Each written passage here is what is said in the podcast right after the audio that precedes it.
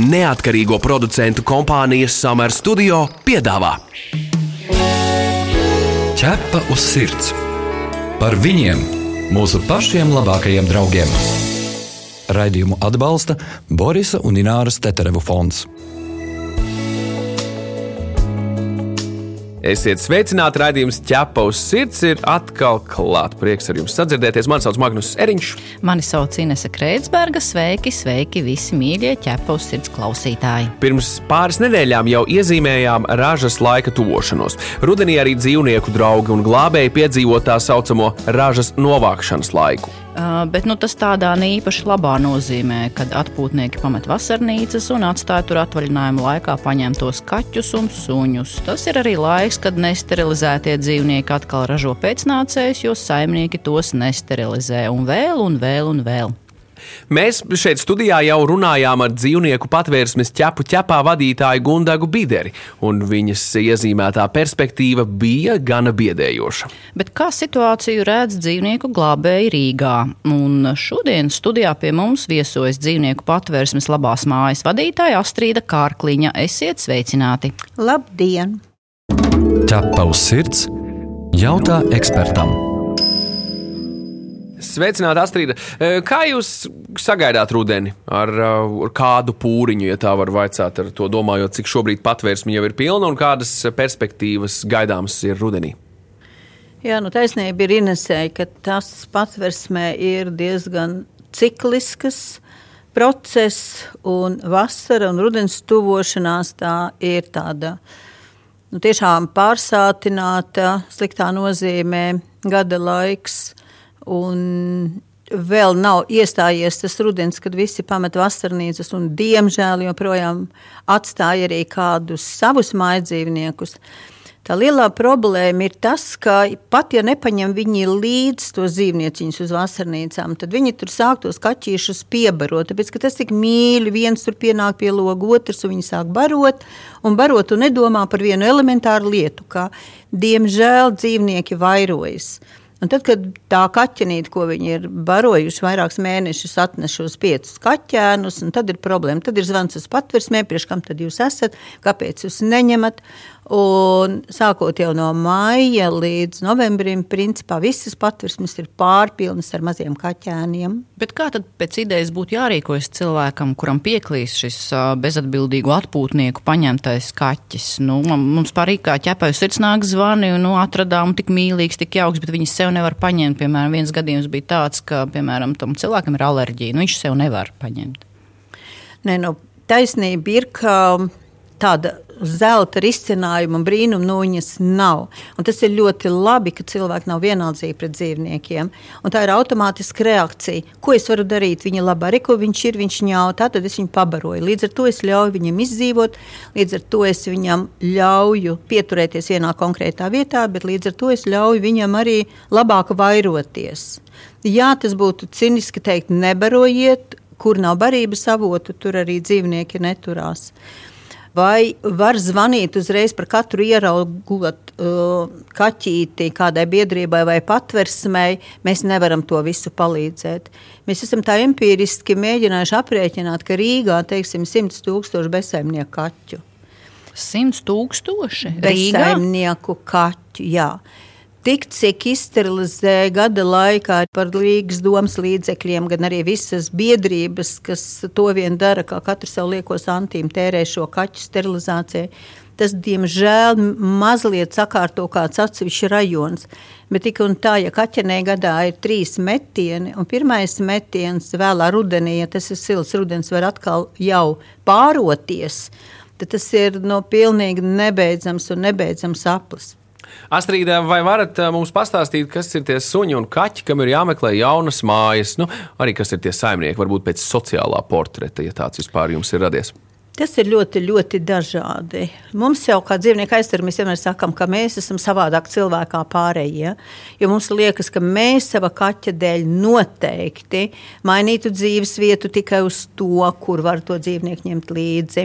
Ja mums būtu kādas problēmas, tad mēs līdzīgi kā vecmāmiņu vai ko mēs neatstātu, mēs viņu ņemtu līdzi.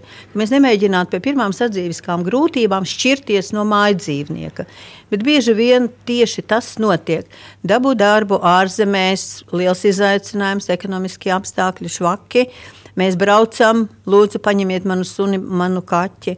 Šķirās, paņemiet, teiksim, piedzimis bērns, vēl man bija vakar zvans, piedzimis bērns, viņš sāk rāpot visur spalvas, tas taču ir ārprāts, ir jauni cilvēki, es saku, bet bērns un pēc pusgada celsies kājās un vairs, nu, nedzīvos tieši spalvu kunkuļos, bet uzkopšana vajadzīga. Vajadzīga ir tīrīšana tieši tā. Nu, ļoti elementāri. Tātad sadzīviskas problēmas mēs bieži vien risinam uz dzīvnieku rēķina, un tas ir tas kontingents, un šeit var būt pilnīgi dažādi. Te ir būt jaunieši, kas tikko sāk sākuši dzīvot kopā un pēc trim mēnešiem izšķirās un paņem to kaķīti un sunīti.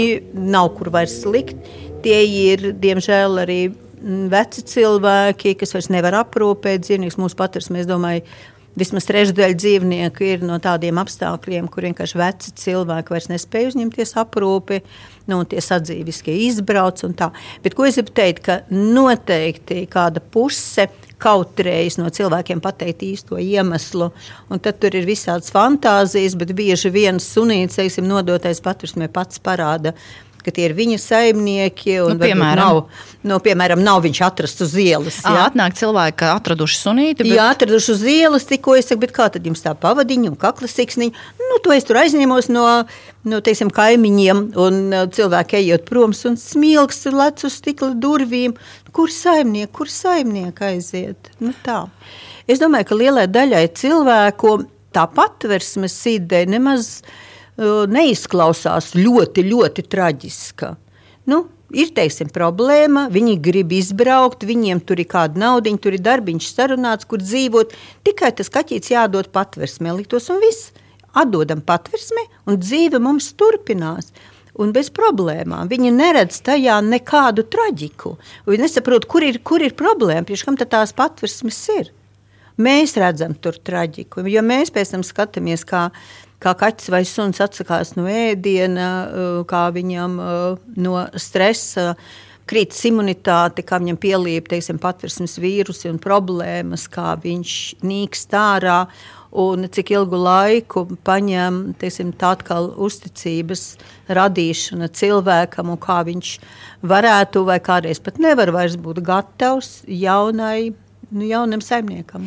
Es nesen redzēju vienu video, kur bija nofilmēta atkal satikšanās um, ar sunim, ar saimnieku. Suns bija pazudis četrus mēnešus vai trīs, un tad viņi atrada viens otru, un tas, tas suns nu, varēja redzēt, cik viņš bija neaprakstāmi laimīgs. Viņš nevarēja nomierināties. Tas uzbudinājums tik liels bija un tā laime, ka man likās, ka tur viņš tūlīt nokritīs. Ko mēs no tā varam saprast, kad īstenībā patversmē atdoties suņi nu, tomēr ļoti, ļoti ilgi gaida to savu cilvēku, savu to cilvēku, kas viņu nodevis. Ir tā? Jā, īstenībā mēs nekad neuzzināsim. Kaķi ir bieži vien, cevišķi viņi vecāki, un ja viņi ilgstoši ir dzīvojuši ar vienu, teiksim, saimnieci, ir gadiem, kad viņi vienkārši neatnāk vairs vaļā. Nu, nekad. Manā praksē ir bieži gadījumi, ka viņi vienkārši atsakās no ēdiena un vienu rītu redz, ka viņš vienkārši nomirs. Ar suņiem arī tā. Jā, ir bijuši gadījumi, kad es redzu, ka patversmē ierodas saimnieks, vai reizes ir bijuši tā, ka mēs lūdzam no saimniekiem, pat ļoti sliktiem saimniekiem, ka mēs izsterilizēsim jūsu kucīti. Uh, mēs viņu savadīsim kārtībā, un mēs viņus atdosim un liktos ārprāts. Viņa no tās ķēdes ir tikusi vaļā. Tā kucīte, cik viņai jābūt nu, laimīgai, varbūt atvērtai, nu, mēs, ja tā domā kā cilvēks. Bet atnāk saimnieks pakaļ beidzot, ak, jēziņ! Nu, čurādama skrien pretī tai saimniecei, cik priecīga, kā viņi pieķeras cilvēkam, kā viņi pieķeras cilvēkam. Tu esi mans draugs, ķepus sirds. Šobrīd uh, dzīvnieku glābēji virza jautājumu saimai par aizliegumu turēt suņus pie ķēdes. Kādus suņus nākas glābt no ķēdēm, un kāda ir patiesā situācija Latvijā? Varbūt cilvēki domā, ka pie ķēdēm tur lielus un niknus suņus, bet kā informācija mums ir pieejama, tā nebūtu nav taisnība. Astrīda, kāda ir jūsu pieredze šajā? Dzīvnieku aizsargiem jau sen bija jāpasaka skaidri un gaiši. Turēt bara dzīvnieku, piesietu visu laiku bez iespējām kustēties, ir cietsirdīgi. Ja mēs risinām valstī, ka tas ir pieļaujams, vai kā tas ir pieļaujams, tā cita lieta, bet tas ir ļoti, ļoti cietsirdīgi. Bara dzīvnieka psīhe pieprasa, ka barā viņam ir jābūt tam dzīvniekam. Ja viņš vairs nav ar saviem sugas brāļiem, tad viņš grib būt ar mums. Mēs turpinām būt viņa bars. Un viņš nekad nevar tikt pie mums. Viņam aitājas raksturs, viņš, viņš kļūst neprognozējams, viņš kļūst ļoti, ļoti nervos. Viņš ir ļoti nelaimīgs, tā kā spīdzināšana visa mūža garumā. Tā kā tas ir noteikti jārisina. Ir valstis, kurās tas ir risināts. Protams, tas nav tik vienkārši. Es ar šovasar esmu diezgan daudz pa Latviju braukājis, un es redzu, ka nu, viensētās tomēr tas ir joprojām, ka tie dzīvnieki ir piesieti. Jautājums, kāpēc viņi ir piesieti? Tāpēc, ka viņi skrien prom. Tāpēc, ka viņi skrien prom. Jā, es esmu runājis pat ar inteliģentiem lauku cilvēkiem, ar skolotājiem. Viņi saka, bet viņš aizskries. Man nav sētas apkārt. Paradoxāli, ka skolotājs to atbild. Jā, bet diemžēl Pēc tā... būtības, jo Nu jā, ja mēs domājam, ka nu, tā ir tā inteliģences pakāpe sabiedrības. Tas, ka, ja? tas, ka skološana būtu arī uz suni attiecinām, nevis jā. tikai uz jā, bērniem. bet tas ir atbildi uz tevi par to, ka ir analfabētisms. Mēs nezinām pašu pamatu. Suns ir bara dzīvnieks. Jā, tu viņu vari nelaist savā gultā iekšā. Jā, tu viņu vari nelaist arī teiksim, kādā istabā iekšā. Bet tev ir jāiepazīst tā suga, ko tu ņem sev blakus. Mēs cilvēki mēģinām iepazīt ar kļūdām, bet mēs esam nu, iemācījušies viens otru sadzīvot. Bet mēs neņemam citu sugu sev blakus. Pat noignorējot elementāras lietas, kas tai sugai ir vajadzīgs. Kas ir vajadzīgs kaķim, kas ir vajadzīgs sunim. Tie ir tie populārākie mājas dzīvnieki. Un arī tas, ja nesterilizē, piemēram, tos dzīvniekus, tad viņi arī skrien daudz vairāk projām. Bet, tad protams, viņiem ir baigā atklāsme, bet, piemēram. Protams, šobrīd informācijas laikmetā kad uh, sabiedrība kopumā kļūst informētāka un kļūst informētāka. Uh, Es no rīznieku puses es esmu reti jau dzirdējis, ka, teiksim, nē, nē, nē, nē sterilizēt dzīvnieku, neņemšu no patversmes, nē, nē, nē, nē, tas jau vairs nav dzīvnieks. Bet, diemžēl, mēs redzam, cik daudz es esā joprojām ir kucēni un kaķēni no īpašnieku dzīvniekiem. Un tad, kad viņus apzvanām, mēs divus gadus realizējam šo projektu, mēs apzvanām šos zvanus un piedāvājam, teiksim, Mēs paņemsim jums šo problēmu no mums, paņemsim dzīvnieciņus, un mēs par saviem līdzekļiem aizbrauksim, paņemsim jūsu kucīti vai kaķenīti, izsterilizēsim un atradīsim apakaļ. Un? Nē, mums nevajag. Mums nav problēmas. Mēs jūs atbrīvosim no problēmas, bet mums nav problēmas. Tā ķēdes kuce, viņa tiek tur aplicināta no kaut kādiem kavalieriem, no nu, rajona vai no paša. Nu. Jā, un, un viņi ieliek SSA viņiem pa 10 eiro, pa 5 eiro, arī pa 80 eiro. Viņiem izķer šos kucēnus. Es saku, mums problēmas nav. Problēmas ir jums patversmēm, kur pēc tam nonāk šie suņi, kas nevienam vairs īsti nav vajadzīgi. Arī tie, un arī tie, tad, kad viņi atdod visām, teiksim, mašām un jankām, vienkārši, vai tu negribi klausies, paņem, klausies, paņem. Mums tagad nedēļas laikā ir divi šādi četru mēnešu veci kucēni no dažādām pusēm ienākuši. Jo, principā, ja tu uzgrūti kaut kam un neiziet cauri tādam atlases pārdomām un izanalizēšanai, tad bieži vien atkal sadzīves problēma un ārā, sadzīves problēma un prom. Atgādinām, ka pie mums šodien studijā ir dzīvnieku patvērsmes labās mājas vadītāja Astrīda Kārkliņa, un mēs diskutējam par to, kādi dzīvnieki pārpilda Latvijas patvērsmes un kāpēc rudenī vienmēr vairāk ir pamestu dzīvnieku. Un ko darīt? Šo radio pārraidi varēsiet dzirdēt arī podkāstu formā, populārākajās straumēšanas vietnēs, kā arī Latvijas radio lietotnē un mājaslapā arhīvu sadaļā. Visur kopā - ķepus sirds! Astrīda, par jūsu pārstāvēto patvērsmu labās mājas ir dzirdēts, ka ļoti bieži tiek atteikts adopcijai. Kādos gadījumos atsakāt, un kas ir šie cilvēki, par kuriem ir uzreiz skaidrs, ka viņi nu nav gatavi ņemt suni vai kaķi? Oh, es neteiktu, ka ļoti bieži, bet varbūt ja no 20 nācējiem, uh, principā tikai puse uh, mums šķiet piemērota kandidatūra. Nu, jā, tad 50% varbūt ir diezgan daudz, un cilvēki tiešām apvainojas, jo daudziem ir šāda utilitāra pieeja, ka viņi to noreducē tieši tāpat, kā viņi nopērta uz zeķes vai vāzi. Viņi ir izdomājuši, atnāk, es gribu šito un viss. Un esmu mācījusies no, nu, no tādu atbildīgāku uh, valstu dzīvnieku patversmēm, ka principā tur notiek liela atlase un intervēšana pirms tam. Tad, kad es labā Londonas patversmē uzdevu šo jautājumu, kā jūs pēc tam kontrolējat, kā jūs esat droši, ka pēc tam ir labās rokās, viņi uz mani brīnījās. Viņi saka, kāpēc tam? Jums ir jāizdara viss pirms tam, lai jūs būtu droši, ka šis dzīvnieks nonāk apstākļos, kas jūsuprāt der. Atbildīgs saimnieks, atbildīga vieta, tāpēc mēs ļoti daudz intervējam. Šobrīd tā intervēšana nav rakstiska, tā ir tikai mutiska. Un, ja mums kaut kas šķiet, tad mēs šīs savas bažas mēģinām kliedēt. Jā, ir bijuši gadījumi, nu, kad piemēram. Mēs, nu, vienalga, teiksim, nu, es neesmu pārliecināta, vai tur nebūs ķēde. Nu, teiksim, lauku viensēta, mājās nelaidīs, jo sunim nav jādzīvo mājās, žoga apkārt nav. Es saku, nu, izklausās nu, pēc ķēdes, jā. Un es saku, nu, kā tad jūs tā notrast? Nu, nekas mums iepriekšējais suns tur um, nestaigā apkārt. Būda mums ir, ja viņš grib, tur var ieiet iekšā. Es saku, nu, bet taču viņš taču varētu aiziet, vajadzētu taču tomēr piesiet. Kā tad viņš tā var aiziet? Viņi saka, nu jā, nu, protams, tad, kad ir kaut kāda vajadzība, tad jau mēs piesienam. Viss ar to ir pilnīgi skaidrs, ka viņš no pirmās dienas, kad atvests, tiks piesiets un tā tālāk. Tā kā es tomēr esmu par to, lai kā gribētos tos dzīvniekus ātrāk atdot. Jo te veidojas tāds paradoks. Tu gribi ātrāk viņus atdot, jo vienalga pat tik skaista, silta un labi iekārtot patirsma kā labās mājas. Tik un tā tas ir cietums. Viņiem jādzīvo ar savu baru, viņiem jābūt vertikālai hierarhijai, viņiem jābūt bara vadonim. Bet tajā pašā laikā, ja es redzu, Nu, es redzu jau diezgan pēc dažiem jautājumiem, ka nu, nav izpratnes. Nu, nav izpratnes tad es tomēr saku, nē, Bet es neesmu droša, ka viņš aizies, neaizies uz citu patvērsmi, neatversies SS. Jā, tur ir tas moments, redz, man atteica tajā patvērsmē, un tad es aizēju uz SS, un es tajā dienā paņemu kā, kādu citu. Nu, bet tas jau arī parāda to cilvēku attieksmi pret dzīvnieku, varbūt tāpēc labi arī, ka neatdevi. Jā, bet ir bijuši nereizes vien gadījumi, kad mēs, teiksim, nokonstatējam, ka nē, tomēr kopā mēs izanalizējam, mēs ļoti daudz runājam, mums ir darbinieki ļoti jau skrupulos, tur uzdod jautājumus tik daudz, ka jūs varētu tas nokāpt uzaicināt. Oi, par... Es gribēju uzdot, tomēr man tomēr pārsteidz tie gadījumi, kad nu, gados ļoti veci cilvēki tomēr grib kucēnu.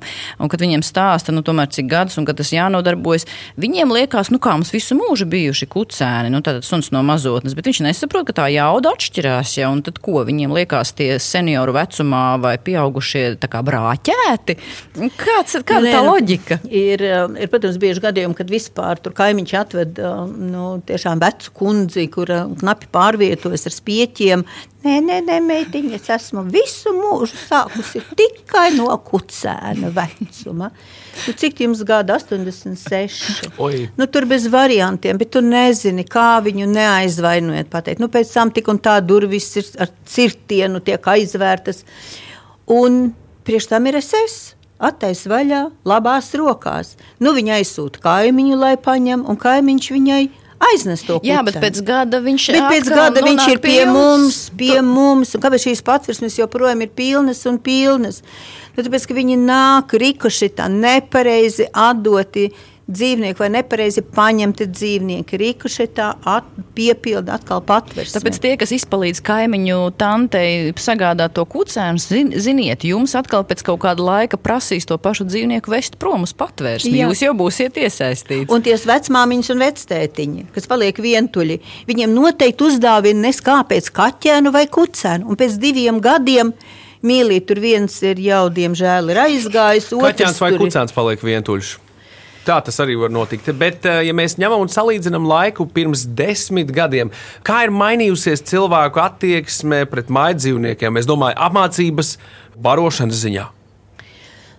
Es varētu teikt, eh, kāds stāvoklis bija pirms 25 gadiem, tad bija, protams, pilnīgs akmens laikmets un bija pavisam čābiski. 15, 10 gadus atpakaļ mainās cilvēku attieksme. Es nevaru pateikt, cik procentuāli uzņem šo informāciju arī par dzīvniekiem, ne tikai par pārējo pasaules kārtību. Un ir attieksme pret barošanu. Jau tas ir labi. Arī pret jo, uzvedību mēs esam piefiksējuši. Par jā? uzvedību. Nu, bet kādreiz bija šķirnes dzīvniekiem, bija visi šķirnes suņiem, visiem bija jāiziet suņu skola. Šobrīd tomēr tas tā nav.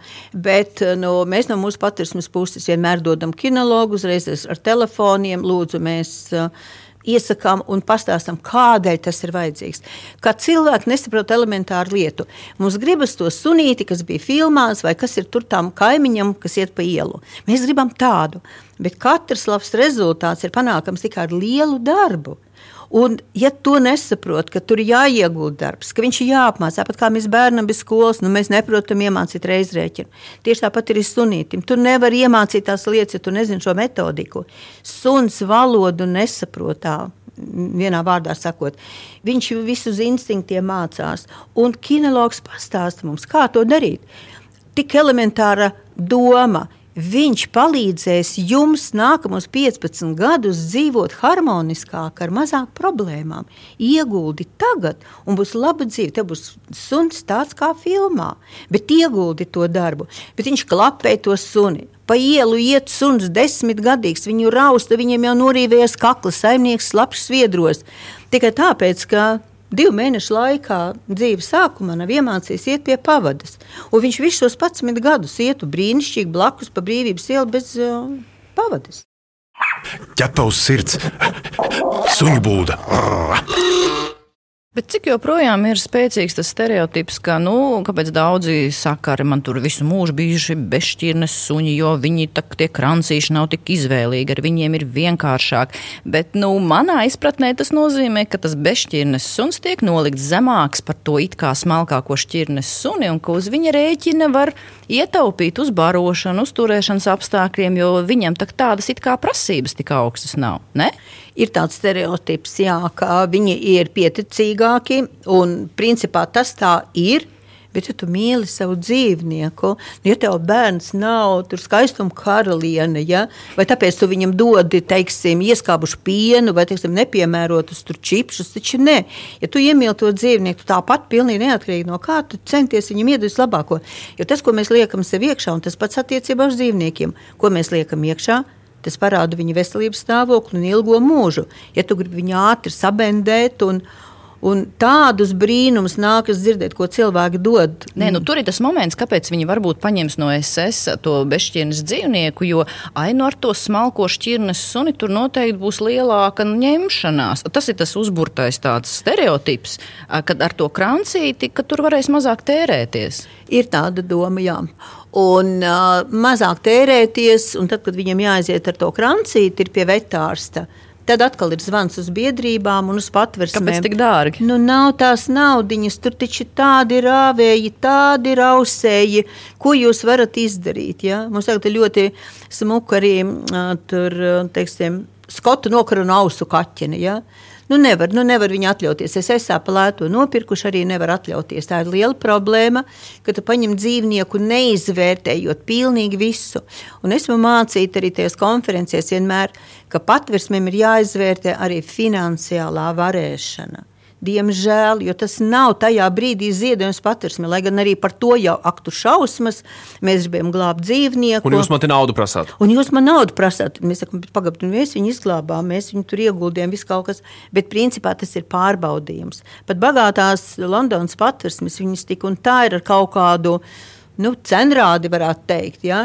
bet tā ir tava atbilde tam, vai tev teiksim, tāda naudas summa ir ļoti, ļoti problemātiska, tad kā tu to darīsi uz priekšu? Nedodies tev jāiet uz veterināru klīniku, nedodies jau zāles jāpērk. Tā kā tur ir, es uzskatu, ļoti daudz jāpārdomā arī patversmēm par to politiku. Nu, kura vienmēr neiet roku rokā ar to vēlmi pēc iespējas vairāk rast jaunus saimniekus. Astrīda, ko jūs ieteiktu ģimenēm ar bērniem, kas vēlas sunīt, aiziet uz patvērsmu brīvdienās, kad sniegu vai tomēr, kad līst? varētu pietikt varbūt ar vienu reizi. Varbūt ir vēl kāds labs padoms, kur saprast cilvēkam vajadzīgs ir suns vai nē. Nu jā, tur ir ļoti liels darbs, tāpat kā par visu citu vecākiem. Nu, viņiem jāmēģina lēnām, lēnām risināt šo jautājumu. Nevis vienā reizē, kā, teiksim, kā veiklā, es gribu to mašīnu, nē, un viss. Stāstīt, kādēļ mēs nevaram, ko tas prasa. Jā, var nākt uz patversmēm, bet stāstīt, stāstīt Un es vairāk citu neredzu, kā izglītot, bet priekš tā jābūt izglītotiem ir pašiem vecākiem. Man patīk tā, ka es vairākas reizes biju Dānijā, kā tur izsina šos jautājumus. Ģimene ilgstoši sēžot pie galda kopā vecmāmiņai, tur tēti, mammai, pilnīgi visiem domājot. Ko mēs darīsim, ko mēs darīsim tad, kad būs brīvlaiks, kad mēs brauksim pie vecumiem uz laukiem, kad mēs brauksim ar laivām, kad bērnam būs nometnē, man būs tas, man būs seminārs un tā tālāk. Ko mēs darīsim ši, kad mums piederēs šāds dzīvnieks. Visu izvērtēt tā, tā, tā, tā, tā, tā un tad, cik tas maksās, cik mums maksās veterinārija, barība, kāda viņš būs liels, kādas funkcijas, kur viņš dzīvos, to visu izvērtē. Bet man arī patika, ka jūs, Astrīda, savulaik teicāt, ka viens no nu, saka, no, noslēdzošiem, izšķirošiem momentiem, ņemt vai neņemt suni ģimenē, ir tad, ja kaut viens uh, ģimenes loceklis šaubās vai nevēlas, tad nevajag ņemt suni. Protams. Konkrēts gadījums mums atveda brīnišķīgu šobrīd britu izpalvaino kaķu. Pieci mēneši viņam ir tikai. Vīrs, sieva, sieva, visa jau tāda, nu, kaķis iečurāja gultā, un vīrs saka, ne par ko, ne par ko. Jo pašā sākumā vīrs teica, es negribu to kaķi, jo tā un tā un tā un tā. Tad vajadzēja pilnīgam būt uh, vienotam lēmumam. Kas būs, ja būs kas ir kaķi, atveram internetu, Google jau visu izstāstīs, visu YouTube parādīs, visu, uz ko spēj šie dzīvnieki. Tad viņi pieci mēnešu vecu šo kaķi um, atnes un tā un visu tīro, tīro tās spalvas, šausmas un tējās spalvas un kur. Nedrīkst, draugi mīļie, nedrīkst, ja kaut viens, ja vecmāmiņa negribēs, nedrīkst ņemt to suni un kaķi. Jūs nebūsiet mājās, nedos ēst, ignorēs to kaķi sliktākajā gadījumā. Labākajā gadījumā, protams, iemīlēs. Mums ķepā uz sirds tomēr ir tāds moto, ka katram beidīgajam stāstam ir kāds skaists un brīnumains stāsts pretī. Vai varat padalīties Astrid ar pēdējā laika skaistāko adopcijas stāstu? Vai grūti? Nu, tieši jums privāti. Man personīgi ļoti patīk, ka mums bija ļoti, ļoti švakā stāvoklī divi ukrāņu lieli suņi un kas prasīja ļoti, ļoti lielu aprūpi, diagnostiku, medicīnu. Un, nu, kāda ģimene nebaidījās un, un paņēma šos dzīvniekus un turpina ārstēt. Un kā es domāju, jā, protams, tas prasa lielas līdzekļus, bet to sirsnību, to atbildību, ko es redzēju no ģimenes, kas var uzņemties nu, tādu tīru un īstu glābšanas operāciju. Tas mums ļoti iedvesmoja. Man liekas, par ko mēs runājam tajā gadījumā, ka tiešām viens kaķis iečurā tur gultā, un mēs uzreiz tur padodamies, un es negribu vairāk. Un tā nav spēle ar dzīvniekiem, bet tas gandarījums un prieks, ko dod kopdzīve ar dzīvnieku, man liekas, atsver visu. Man pašai šobrīd ir viens kaķis un viens suns mājās. Es esmu pārlaimīga, un man liekas, ka es nevarētu vairs dzīvot bez šiem dzīvniekiem nevienu dienu. Nu jā, mums pašiem arī tāpatās, kad ir starpība, vai tev ir dzīvnieks, un tad, kad tev viņa nav. Un tad, principā, tā kopdzīve līdz brīdim, kad tev ir dzīvnieks, un kad ir kopā, tā ir pavisam cita sajūta. Tas tiesa, Astrid, mīļš, paldies par viesošanos pie mums šeit, raidījumā ķēpos sirds. Tiekamies nākamreiz. Nē, tiekamies. Murrājam, ķēpos sirds. Bet mēs atgādinām, ka ķepavas sirds TV sezona atsāksies jau pavisam drīz Latvijas televīzijas pirmajā kanālā jau no septembra ierastajā laikā un vietā. Mēs arī gaidām jūsu jautājumus, ierosinājumus, idejas, sižetiem. Rakstiet mums uz info atķepavas sirds LV. Bet šajā raidījumā tas ir arī viss. Mani sauc Inese Kreitsberga. Mani sauc Magnus Eriņš. Raidījumu veidoja neatkarīgo producentu kompānijas Summer Studio. Visu labu! Atā! Ķepa uz sirds! Informatīvi izglītojošs raidījums par dzīvnieku pasauli un cilvēkiem tajā. Raidījumu atbalsta Borisa un Ināras Teterevu fonds.